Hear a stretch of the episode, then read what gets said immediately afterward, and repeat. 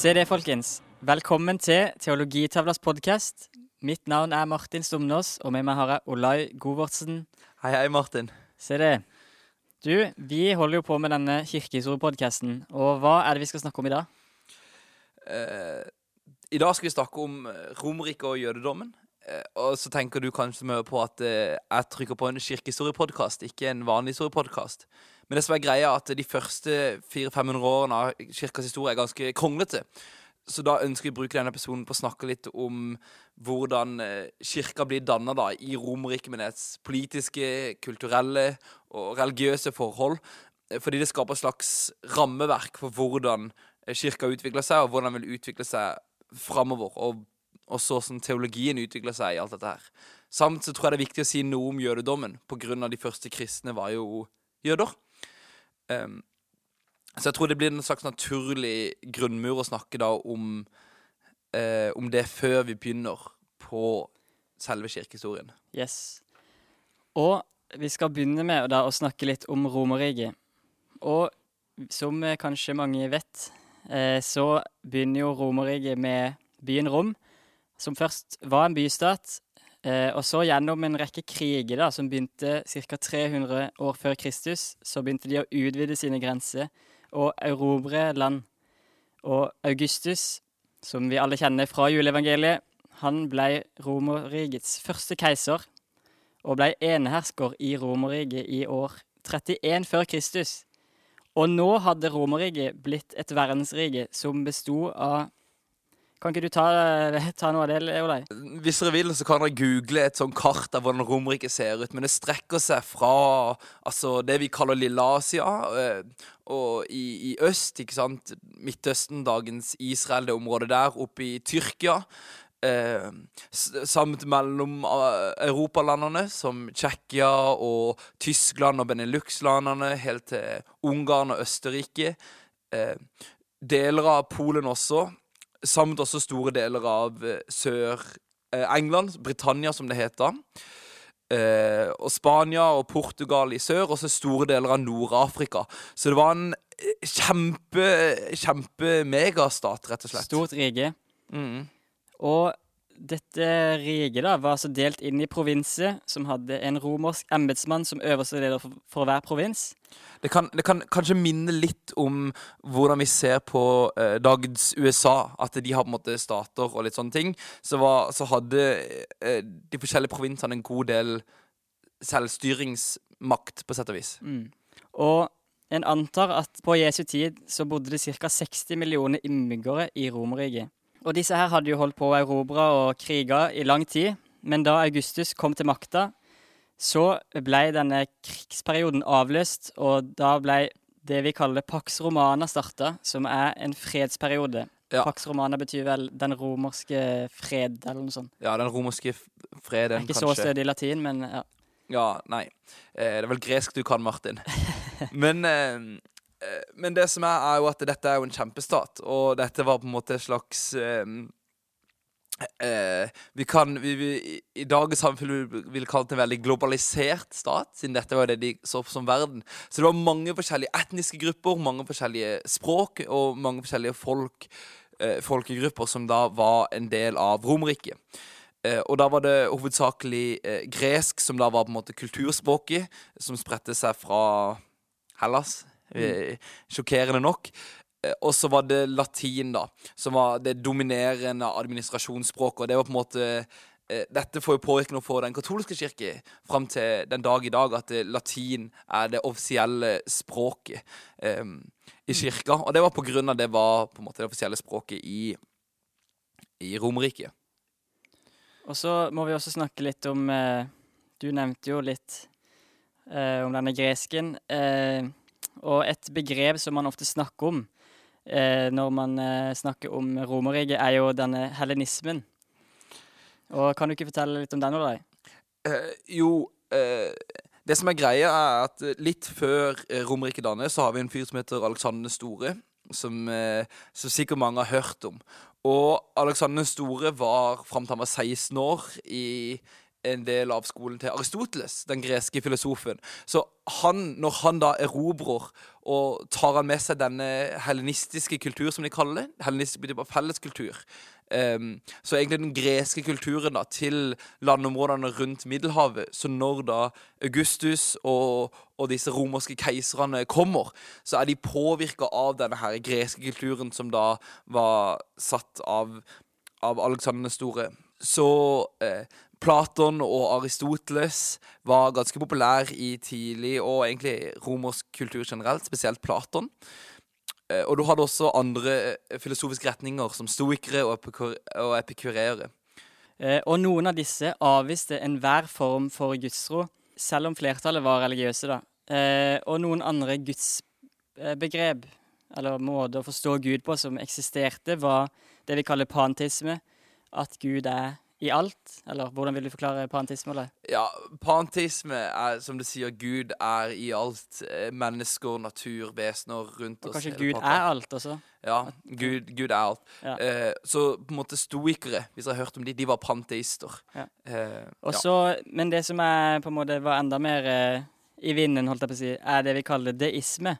Mm. Eh, og dette her, eh, altså I dette gudsbegrepet deisme så tenker man da seg en guddommelighet som er veldig fjern og opphøya og vekke fra den verdenen som vi lever i, som ikke handler i historien, som ikke har noe med menneskene å gjøre. Ja. Eh, og dette gudsbegrepet her er jo veldig fjernt fra det kristne, hvor Gud er en aktiv, skapende Gud som, som deltar og som handler, samhandler med menneskene, da.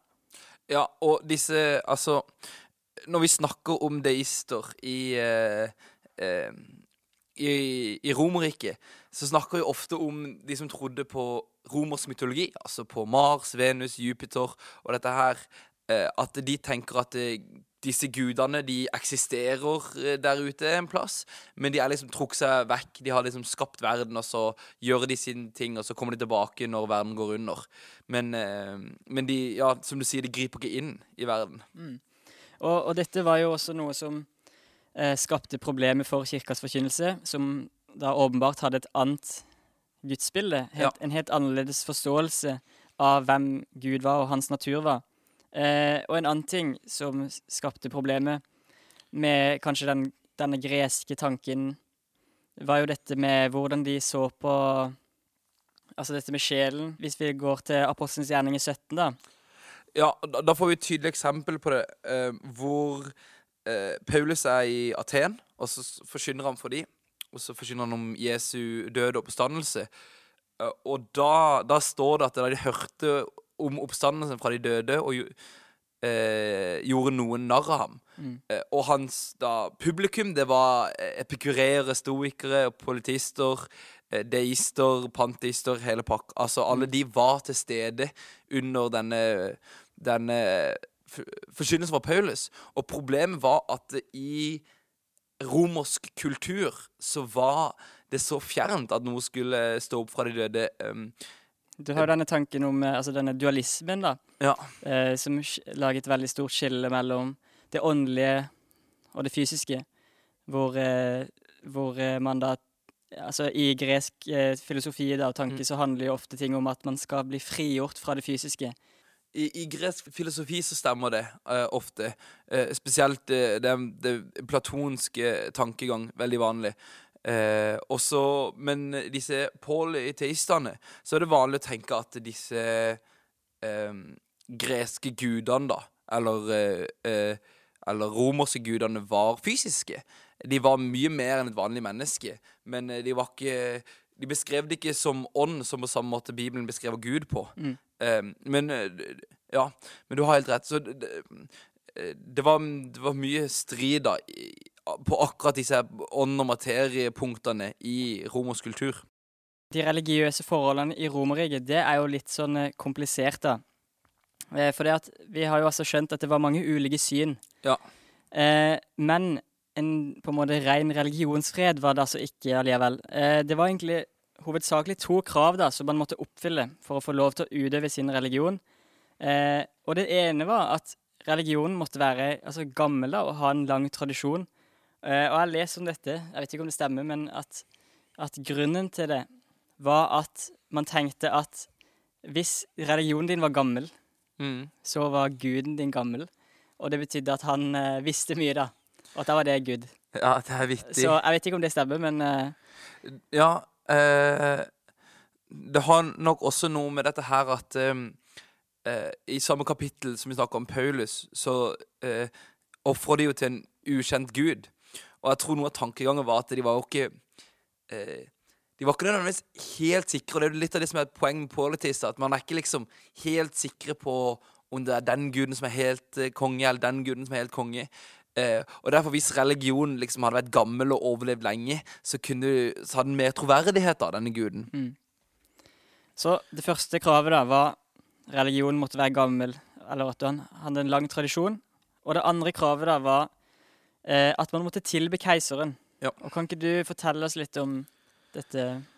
Så eh, jeg liker ofte Det, det kan minne litt om, eh, om eh, denne David-fortellinga og hans venner eh, Shadrach, Meshach Abednego når de måtte tilbe keiseren eh, der. At man på en måte Det fungerer ikke på samme måte, men ofte at eh, eh, det var eh, det var liksom det som var greia, da. At man måtte ofre til keiseren. Det var veldig vanlig i mange gamle eh, religioner. Og, og det funka sånn at da måtte du på en måte ofre framfor et, eh, eh, et, et slags alter-ego, eller bilde av keiseren.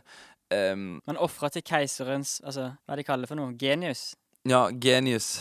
Som og da eh, man, dette var jo også på en måte forbundet opp med Dette var liksom ikke bare en rein på en måte noe man altså viser de ære. Dette var jo faktisk en religiøs handling som eh, Altså, man trodde at man ble beskytta, da.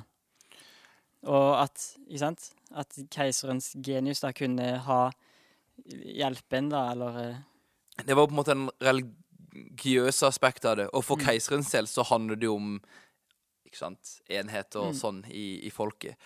Eh, men det var, det var veldig mye eh, Veldig mange ulike religioner. Eh, hvor de fleste de var politistiske. Og mye av det betyr da at de var ikke nødvendigvis Altså eh, Unntatt mosaismen, da, eller jødene og senere kristne. Eh, men mye av poenget med at de var politistiske, det er at vi er veldig vant med kristendommen at eh, to kristne har veldig likt forhold til Gud og guddommer og sånn, mens politistene, de Hvis du og din nabo begge var på en måte eh, trodde på romersk mytologi, så kunne det se veldig forskjellig ut. Og de kunne ha litt forskjellig gud. Altså det var um, Det er litt annet forhold enn det vi er vant med. Dette kalles synkretisme, da. Eller religionsblanding. At man tok og Mm. miksa litt fra det man, man ville. Som da ble et kjempeproblem for kirka og jødene, som sier at det finnes bare én gud. Folk holdt på en måte på litt med det de sjøl ville, så lenge de tilfredsstilte disse to kravene. da. Ja. Og det som er greit, da, hvis du er politisk, er jo at det gjør jo ikke noe å tro på en ekstra gud. Eh, det er liksom ikke noe Nei, altså, det, det forandrer ikke så mye. Eh, det bare sle, slenger med en til. Og så en eh, litt spesiell eh, del av når vi snakker om religion på denne tida, da, eller i dette riket, er jo dette vi kaller mysteriereligionen.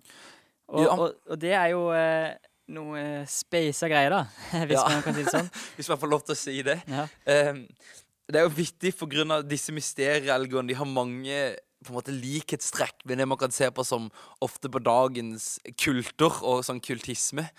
Eh, det kom trolig fra, fra øst, eh, spesielt med Alexander Store og så videre. Eh, eh, altså videre okkupering av østover, så kom det mer østlige religioner inn. Og, og, og mysteriereligioner handla om at det var et slags skjult form for kunnskap. At noen satt på høyere kunnskap enn deg, og jo høyere du på en måte klatra i systemene, jo mer kunnskap får du.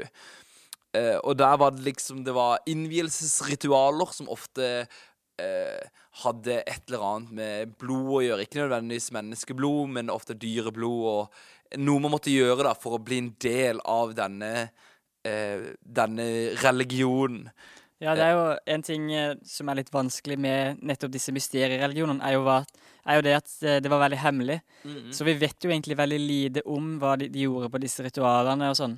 Men jeg har jo lest om noen ting, da, om nettopp Ja. dette med at, altså at folk skulle liksom eh, bli liksom eh, Få blod over hele kroppen og drikke blod og alt mulig. Men så Ja. det er jo vanskelig å si hvor mye av det som stemmer, da. Men, men speisa var det i hvert fall.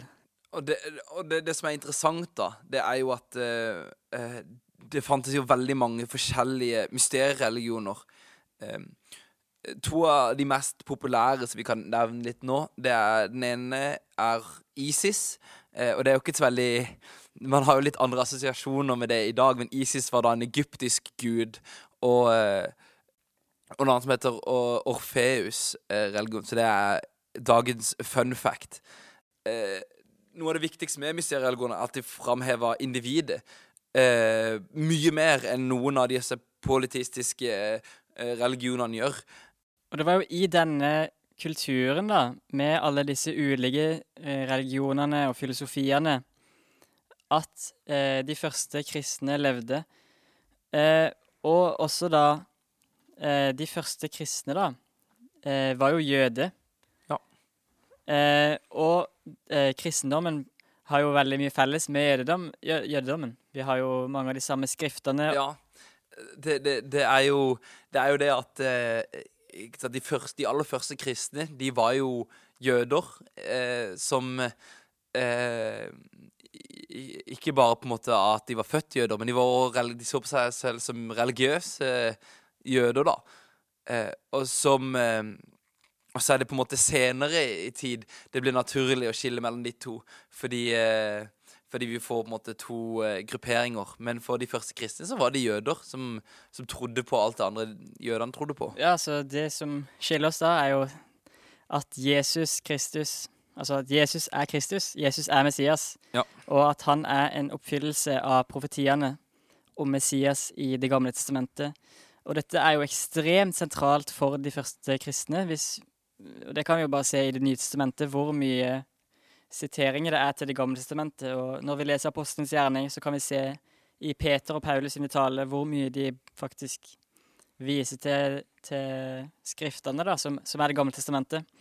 Ja, og, og dette er viktig å poengtere av det er noen veldig tidlige kristne sekter da, som prøver å bryte helt vekk fra jødedommen. Eh, mens, eh, mens kristne har alltid sett på seg selv som en forlengelse ikke sant, eh, av, av jødedommen, hvis vi kan si det sånn. Og jødene så jo på seg selv som Guds utvalgte folk.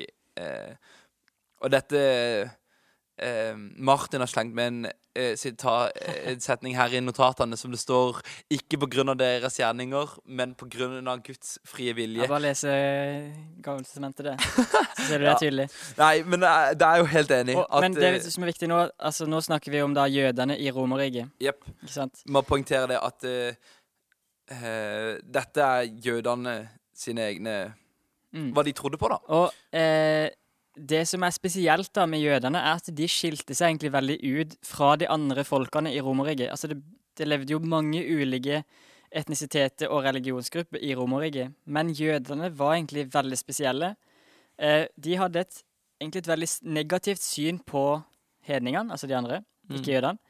Eh, for jødene så drev jo hedningene på med avgudsdyrkelse, og de var ureine. Og de hadde jo mange lover eh, som snakker om dette. De holdt seg for seg sjøl. De nekta å delta på de sine ritualer og religiøse seremonier. De kunne ikke spise sammen med hedninger. Eh, de hadde egne matforeskrifter som de fulgte veldig strengt. Eh, og vi kjenner jo til mange av disse i dag også. For eksempel så de, kunne de ikke spise gris. Og dette var jo ting som var helt fjernt for eh, mennesker i den romerske kulturen. Og og dette gjorde jo at de, de fikk en helt spesiell eh, de, Altså, de skilte seg veldig ut da, fra andre i Romerriket. Mm.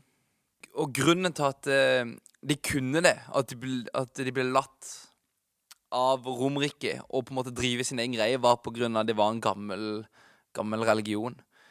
Og på Jesu tid så var jo Israel okkupert av Romerriket.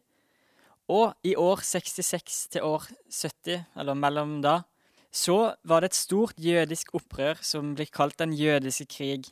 Eh, og dette førte til at den romerske hærføreren, hærføreren Titus Ikke han som eh, det står om i Bibelen, eller boka, storma Jerusalem.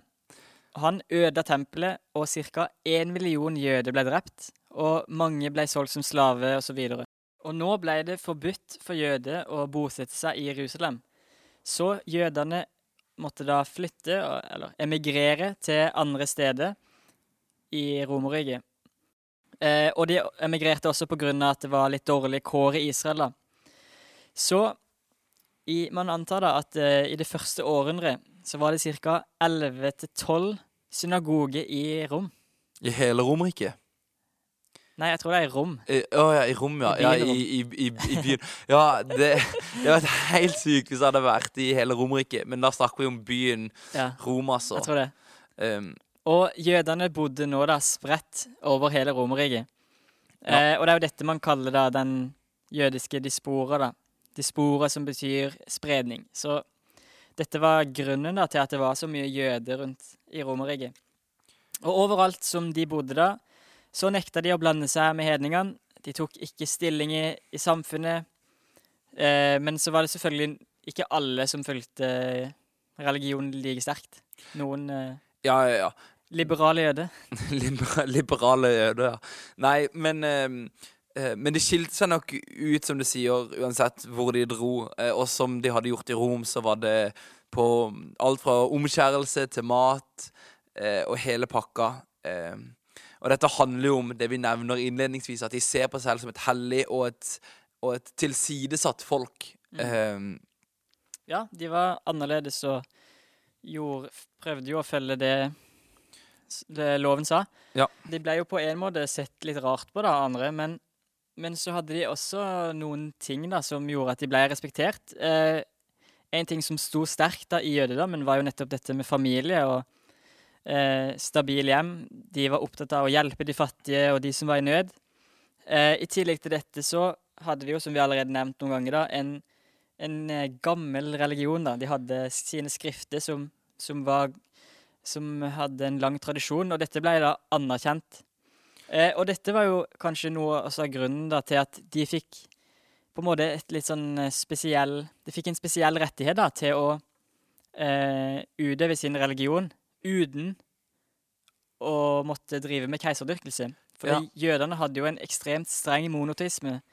Eh, og som vi nevnte i stad, så var jo egentlig religionskravene at religion måtte være gammel, og man måtte dyrke keiseren. Men jødene fikk da altså et helt spesielt eh, unntak for eh, denne regelen, da. Og, og det er jo interessant eh, å tenke at i Romerriket eh, så hadde Så grunnen til å bli respektert, var at de hadde gamle skrifter eh, og, og så videre. Og, og så sitter vi på de samme gamle skriftene den dag i dag. At eh, det har bare blitt enda eldre. Jeg synes i hvert fall det er viktig å tenke på, med tanke på at alle disse mysteriereligionene, romersk mytologi, alt sånn, det er lenge siden at det ble Mm. eh, At det er Eller i hvert fall veldig få som tror på det den dag i dag, kan jeg tenke meg. Mens, eh, mens jødedommen fortsatt eh, står sterkt i verden. Eh, og så er det jo sånn at eh, jødedommen, da, som religion, da, Mm. eh, henger jo ofte Altså, det var jo først og fremst kanskje forbundet med etnisitet. Altså, du ble født inn i det. Eh, men det var faktisk også sånn at noen konverterte til jødedom, altså som ikke hadde en jødisk mor, eller var født inn i en jødisk familie. Eh, og rundt da, disse synagogene som var rundt i Romerriket, så, så flytta det eh, altså hedninger, Mm. som eh, da på en måte levde eh, som hedninger. Nei, som jøde, da. Det- Eh, og det var faktisk Og noen også, da, som konverterte som eh, det vi kaller proselitt. En fra en annen religion som gikk over til jødisk tro, og altså da gikk hele veien med både omskjærelse og en eh, slags dåp, faktisk. Vi kan lese om sånne proselytter da, om i Nye testamentet på flere steder. Og i begynnelsen så ble faktisk eh, de kristne betraktet som en jødisk eh, gruppe, eller som, en, som den samme religionen, da. Ja. Og dette var jo en av grunnene til at de kristne egentlig fikk være i fred i begynnelsen. Fordi at de skjønte ikke at dette var noe nytt. Men etter hvert så skjønte de jo at dette var jo ikke jøde. Og da nådde de jo ikke lenger opp til religionskravene. Til kravene, nei. Og, eh, eh, Det tok jo ikke kjempelang tid. Eh, og det er kanskje ikke så rart når eh, Hvis jødene begynner å forfølge en annen gruppe med jøder, som vi kan lese om allerede i Bibelen, at, mm. at, eh, at det skjer. Em, Så det som skjer da, er at eh, de kristne ganske raskt, eller ganske tidlig, begynner å få problemer pga. keiserdyrkelsen, som vi allerede har snakka om. ja. De kunne jo rett og slett ikke delta i denne praksisen, som da de så på som avgudsdyrkelse. Og eh, det skal da altså bare bli egentlig verre og verre for de kristne i begynnelsen. I år 64, når eh, Nero er keiser, Ja. Da, da skjer det en bybrann i Rom som varer i seks dager. 200 000 mennesker eh, mister hjemmene. Dette tallet har jeg fra Olai, så eh, Ja, eh, gjerne faktasjekk det på egen hånd. Men, Men- men, det er i hvert fall en utrolig, utrolig stor gruppe mennesker som mister hjem. Mm.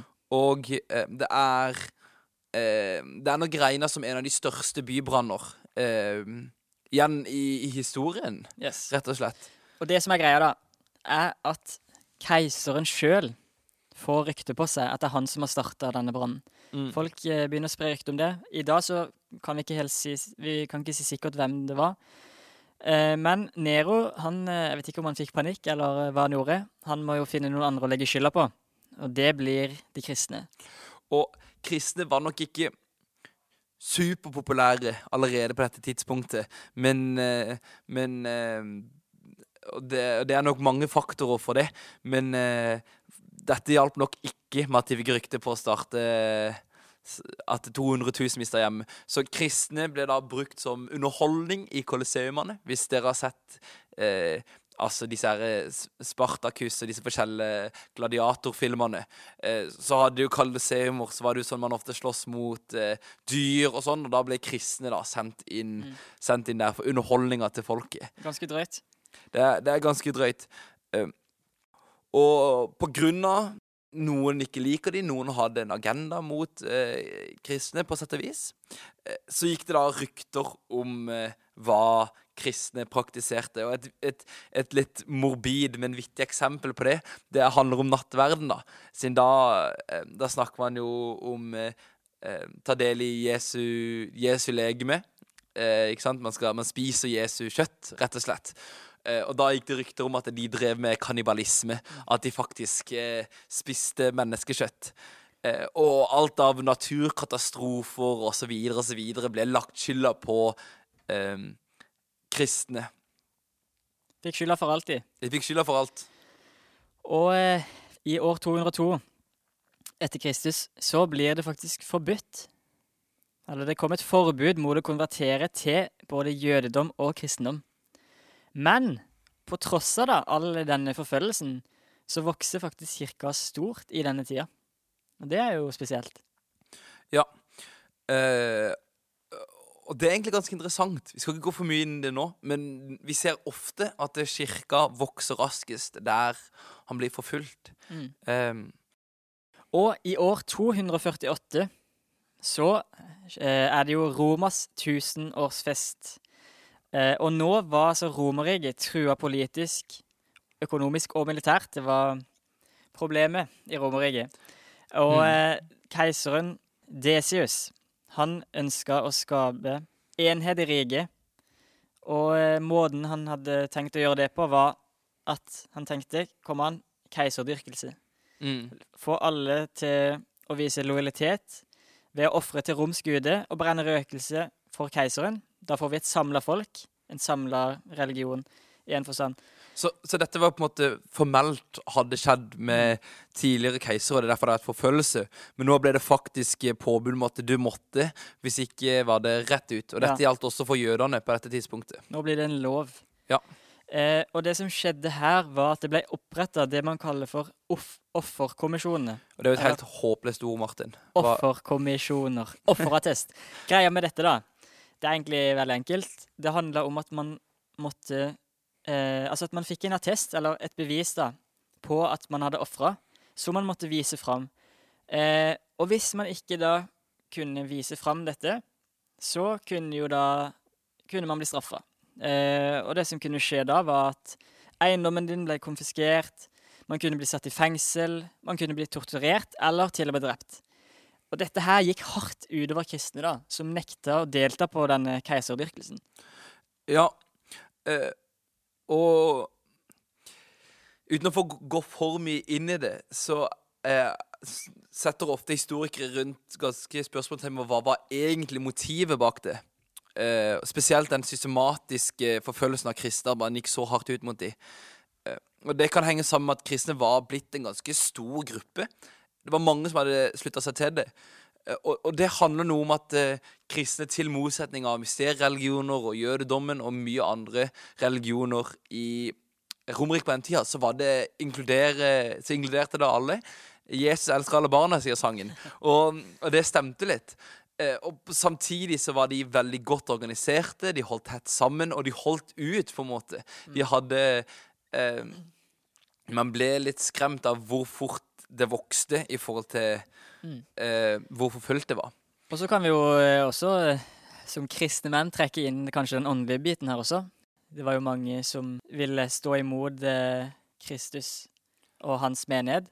Mm. Eh, og kanskje til og med demoniske krefter, hvis vi skal gå så langt. Ja, det em, Vi tror jo at eh, som Kristus, at eh, Kristus er den eneste sanne vei, og at eh, at eh, da at ting går imot det, det er jo eh, Bibelen snakker jo om at vi skal bli forfulgt. Og dette var jo noe som skjedde veldig tydelig med de første kristne. Mm.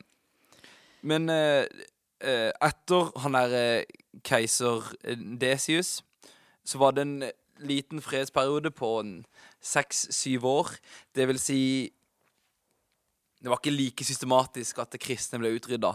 Men det tar opp igjen under en ny keiser. Han her heter Valerian. Han levde fra 257 til 258, eller var da han regjerte. Beklager. Eh, og han forbød all kristen praksis. Eh, og han, eh, han angrep lederne disse, han konfiskerte eiendommen, da, som da sendte mange kristne på, på flukt. Og etter Valerian så kommer en liten periode med, hvor det ble litt eh, roligere. Og det er her vi sier det er, det er litt komplisert. Så først så var det eh, Nero eh, fram til Desius med litt av og på, men mye forfølgelse. Desius hadde masse forfølgelse. Og så var det litt pusterom før en fyr som heter Valerian kommer inn i 257-258. Og da blir det veldig mye forfølgelse. Og så stopper det litt opp i sånn åtte år, fra 260 til 268, med en som heter Galineus. Og Galineus, han eh, opphevde disse ediktene, eh, altså påbudene som Desius kom med, om at eh, eh, man måtte eh, Om at alle måtte vise sin lojalitet. Det ga litt mer religionsfrihet. Og han ga tilbake eh, eiendommen til de kristne. Og under all eh, denne forfølgelsen så var det jo mange da som hadde fornekta troa si. Eh, som da nå kom tilbake, da. Det ble mer fredelig og egentlig da lettere å i hvert fall bekjenne troen. Eh, og fra år 260 og utover så, snak, så har vi da en eh, 50 års eh, fredsperiode, og her vokser også kirka mye. Eh, og man antar at i år 300 så var det ca. 7 millioner kristne i Romerriket. Og nå eh, hadde jo på en måte de kristne gått fra eh, og hatt egentlig veldig liten innflytelse, vært, hatt lav sosial rang, til å begynne å få mer innflytelse. Eh, nå har man flere kristne i hoffet, man har kristne i høye stillinger i samfunnet, da. kristne eh, får liksom en oppsving, eh, og det er jo denne perioden eh, det vokser eh, Den kristne kirke vokser kjemperaskt. Eh, fram til da år 284, hvor en som heter keiser Diokletian tar over. Og Diokletian han var keiser fra 284 til 305. Og han kjørte på med nye eddikt, altså påbud. Eh, han forbød kristen aktivitet, han fjerner kristne fra høye stillinger. Eh, han eh, forbød eh, gudstjenester, han reiv kirkebygg. Eh, og her ble det tusener av kristne som ble martyrert, som da betyr at de døde for sin tro. Um, du, det er en berg-og-dal-bane, den her eh, forfølgelsen der i begynnelsen. Det er liksom fred, krig, fred, forfølgelse. Ja, og jeg tror det er det viktige Det er jo litt av grunnen til at vi lagde denne episoden. Det er at uh, For å holde tunga litt rett i munnen og si at når vi snakker om Oldkirka, da, så er det mye fram og tilbake og mange forskjellige på en måte scenarioer som kristne befinner seg i.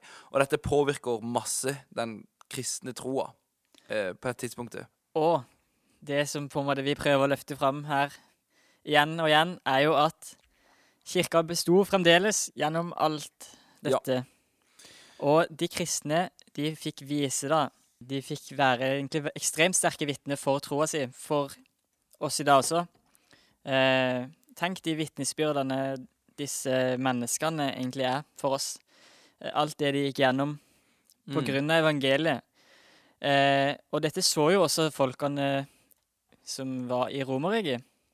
At eh, dette var jo noen uh, ekte greier. Ja, og eh, det er jo Det er jo rett og slett grunnen til at det blir forfulgt mye. På grunn av de, de holdt ut eh, forfølgelsen. Og det førte til at de måtte forfølge de enda hardere.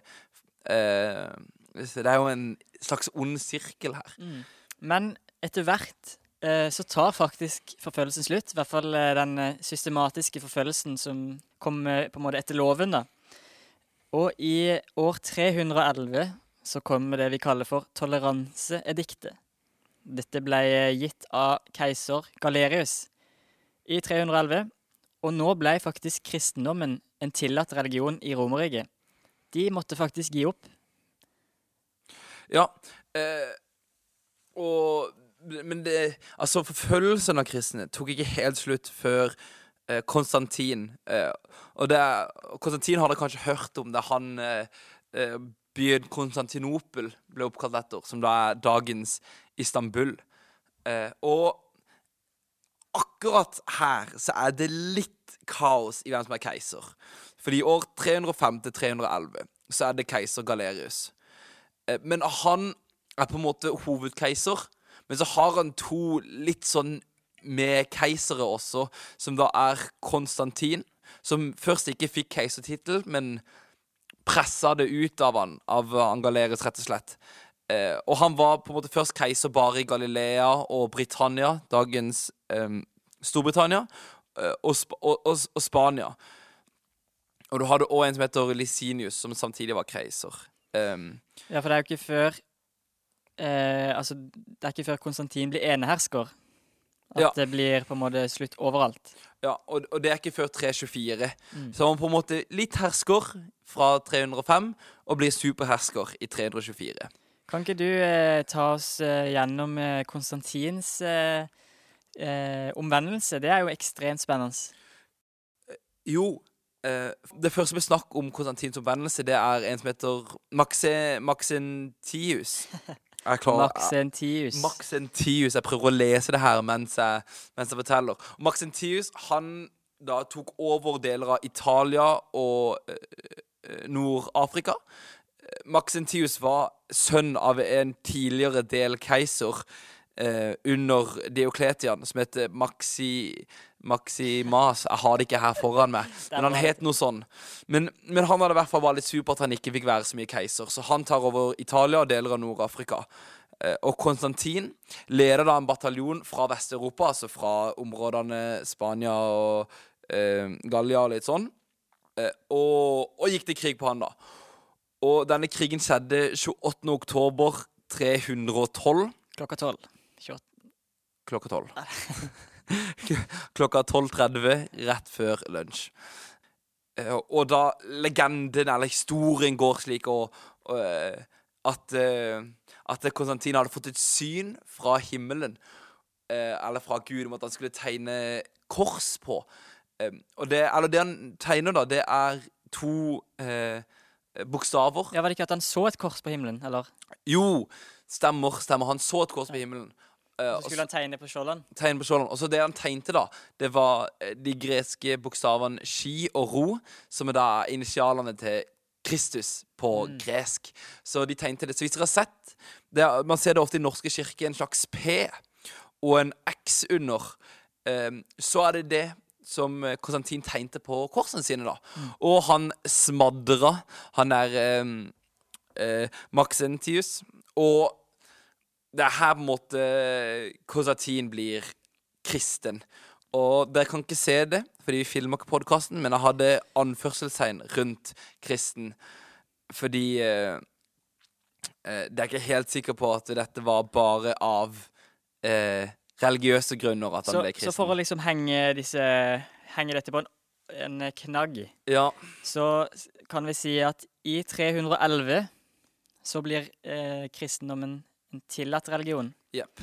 Mens i 324, når Konstantin blir enehersker, eh, da blir eh, da, da tar forfølgelsen slutt. Eller da blir det fred for kristne. Jepp. Og eh, den blir rett og slett likestilt med andre. Og nå så må vi snakke om den ene viktige tingen jeg hadde tenkt å nevne i dag. Og det er dette med når kristendommen ble statsreligion. For jeg hører veldig mange si at det skjedde med Konstantin. Men jeg, dette her er jeg 95% sikker på. I hvert fall det som står i de bøkene jeg har lest. Ja, de, de bøkene jeg har lest òg. Ja, At kristendommen ble ikke statsreligion under Konstantin, men under eh, Theodosius Som da er sønnen hans. i år 380. Så slutt, folkens, å si at eh, kristendom ble statsreligion under Konstantin. Det er feil. Det ble ikke statsreligion, men det ble ganske mange religiøs praksis som ble normalisert. For eksempel så ble søndag en helligdag. Eh, Ja. og, og en viktig ting da å si under Konstantin, det er at eh, Romerriket sentrum har ligget i Rom, som da er i dagens Roma. Sjokkerende nok. Men eh, han flytter Han flytter rett og slett kirkas sentrum til eh, Og rikets sentrum, da, til Konstantinopel. Som vi nevnte tidligere, er dagens Istanbul. Eh, fordi det som er, det er at kristendom blir statsreligion under Theodisius i 380. Og når da eh, Theodisius sine sønner tar over, det er da Romerriket blir delt i to. I Vest-Romerriket med sentrum i Rom, og Øst-Romerriket med sentrum i eh, Konstantinopel. Og det er viktig å nevne at eh, i år 395, under Theodisius, så ble det ikke lenger lov å dyrke hedenske guder. Så da har vår reise fra at det var det mest populære på Jesu tid, gått til at det nå ble ulovlig på, i 395. Ja, altså de eh, romerske og eh, greske religionene, da. Stemmer. Mm. Dette her tror jeg er bra. Eh, det er jo ekstremt vanskelig å liksom holde en rød tråd gjennom eh, alt dette, for det, det skjer så mye på samme tid og alt mulig. Men eh, vi håper at dere klarte å henge med. Ja. Og så tror jeg bare vi sier takk for i dag, og eh, ja. ja, jeg håper det var noe fornuftig vi sa, i hvert fall. Du, jeg gleder meg til neste episode. Da gjenstår det bare å si at alle sammen må inn og følge podkasten der du fant den. Abonner på YouTube, like på Face, og følg oss på Insta. Vi snakkes. Yes, ha det bra.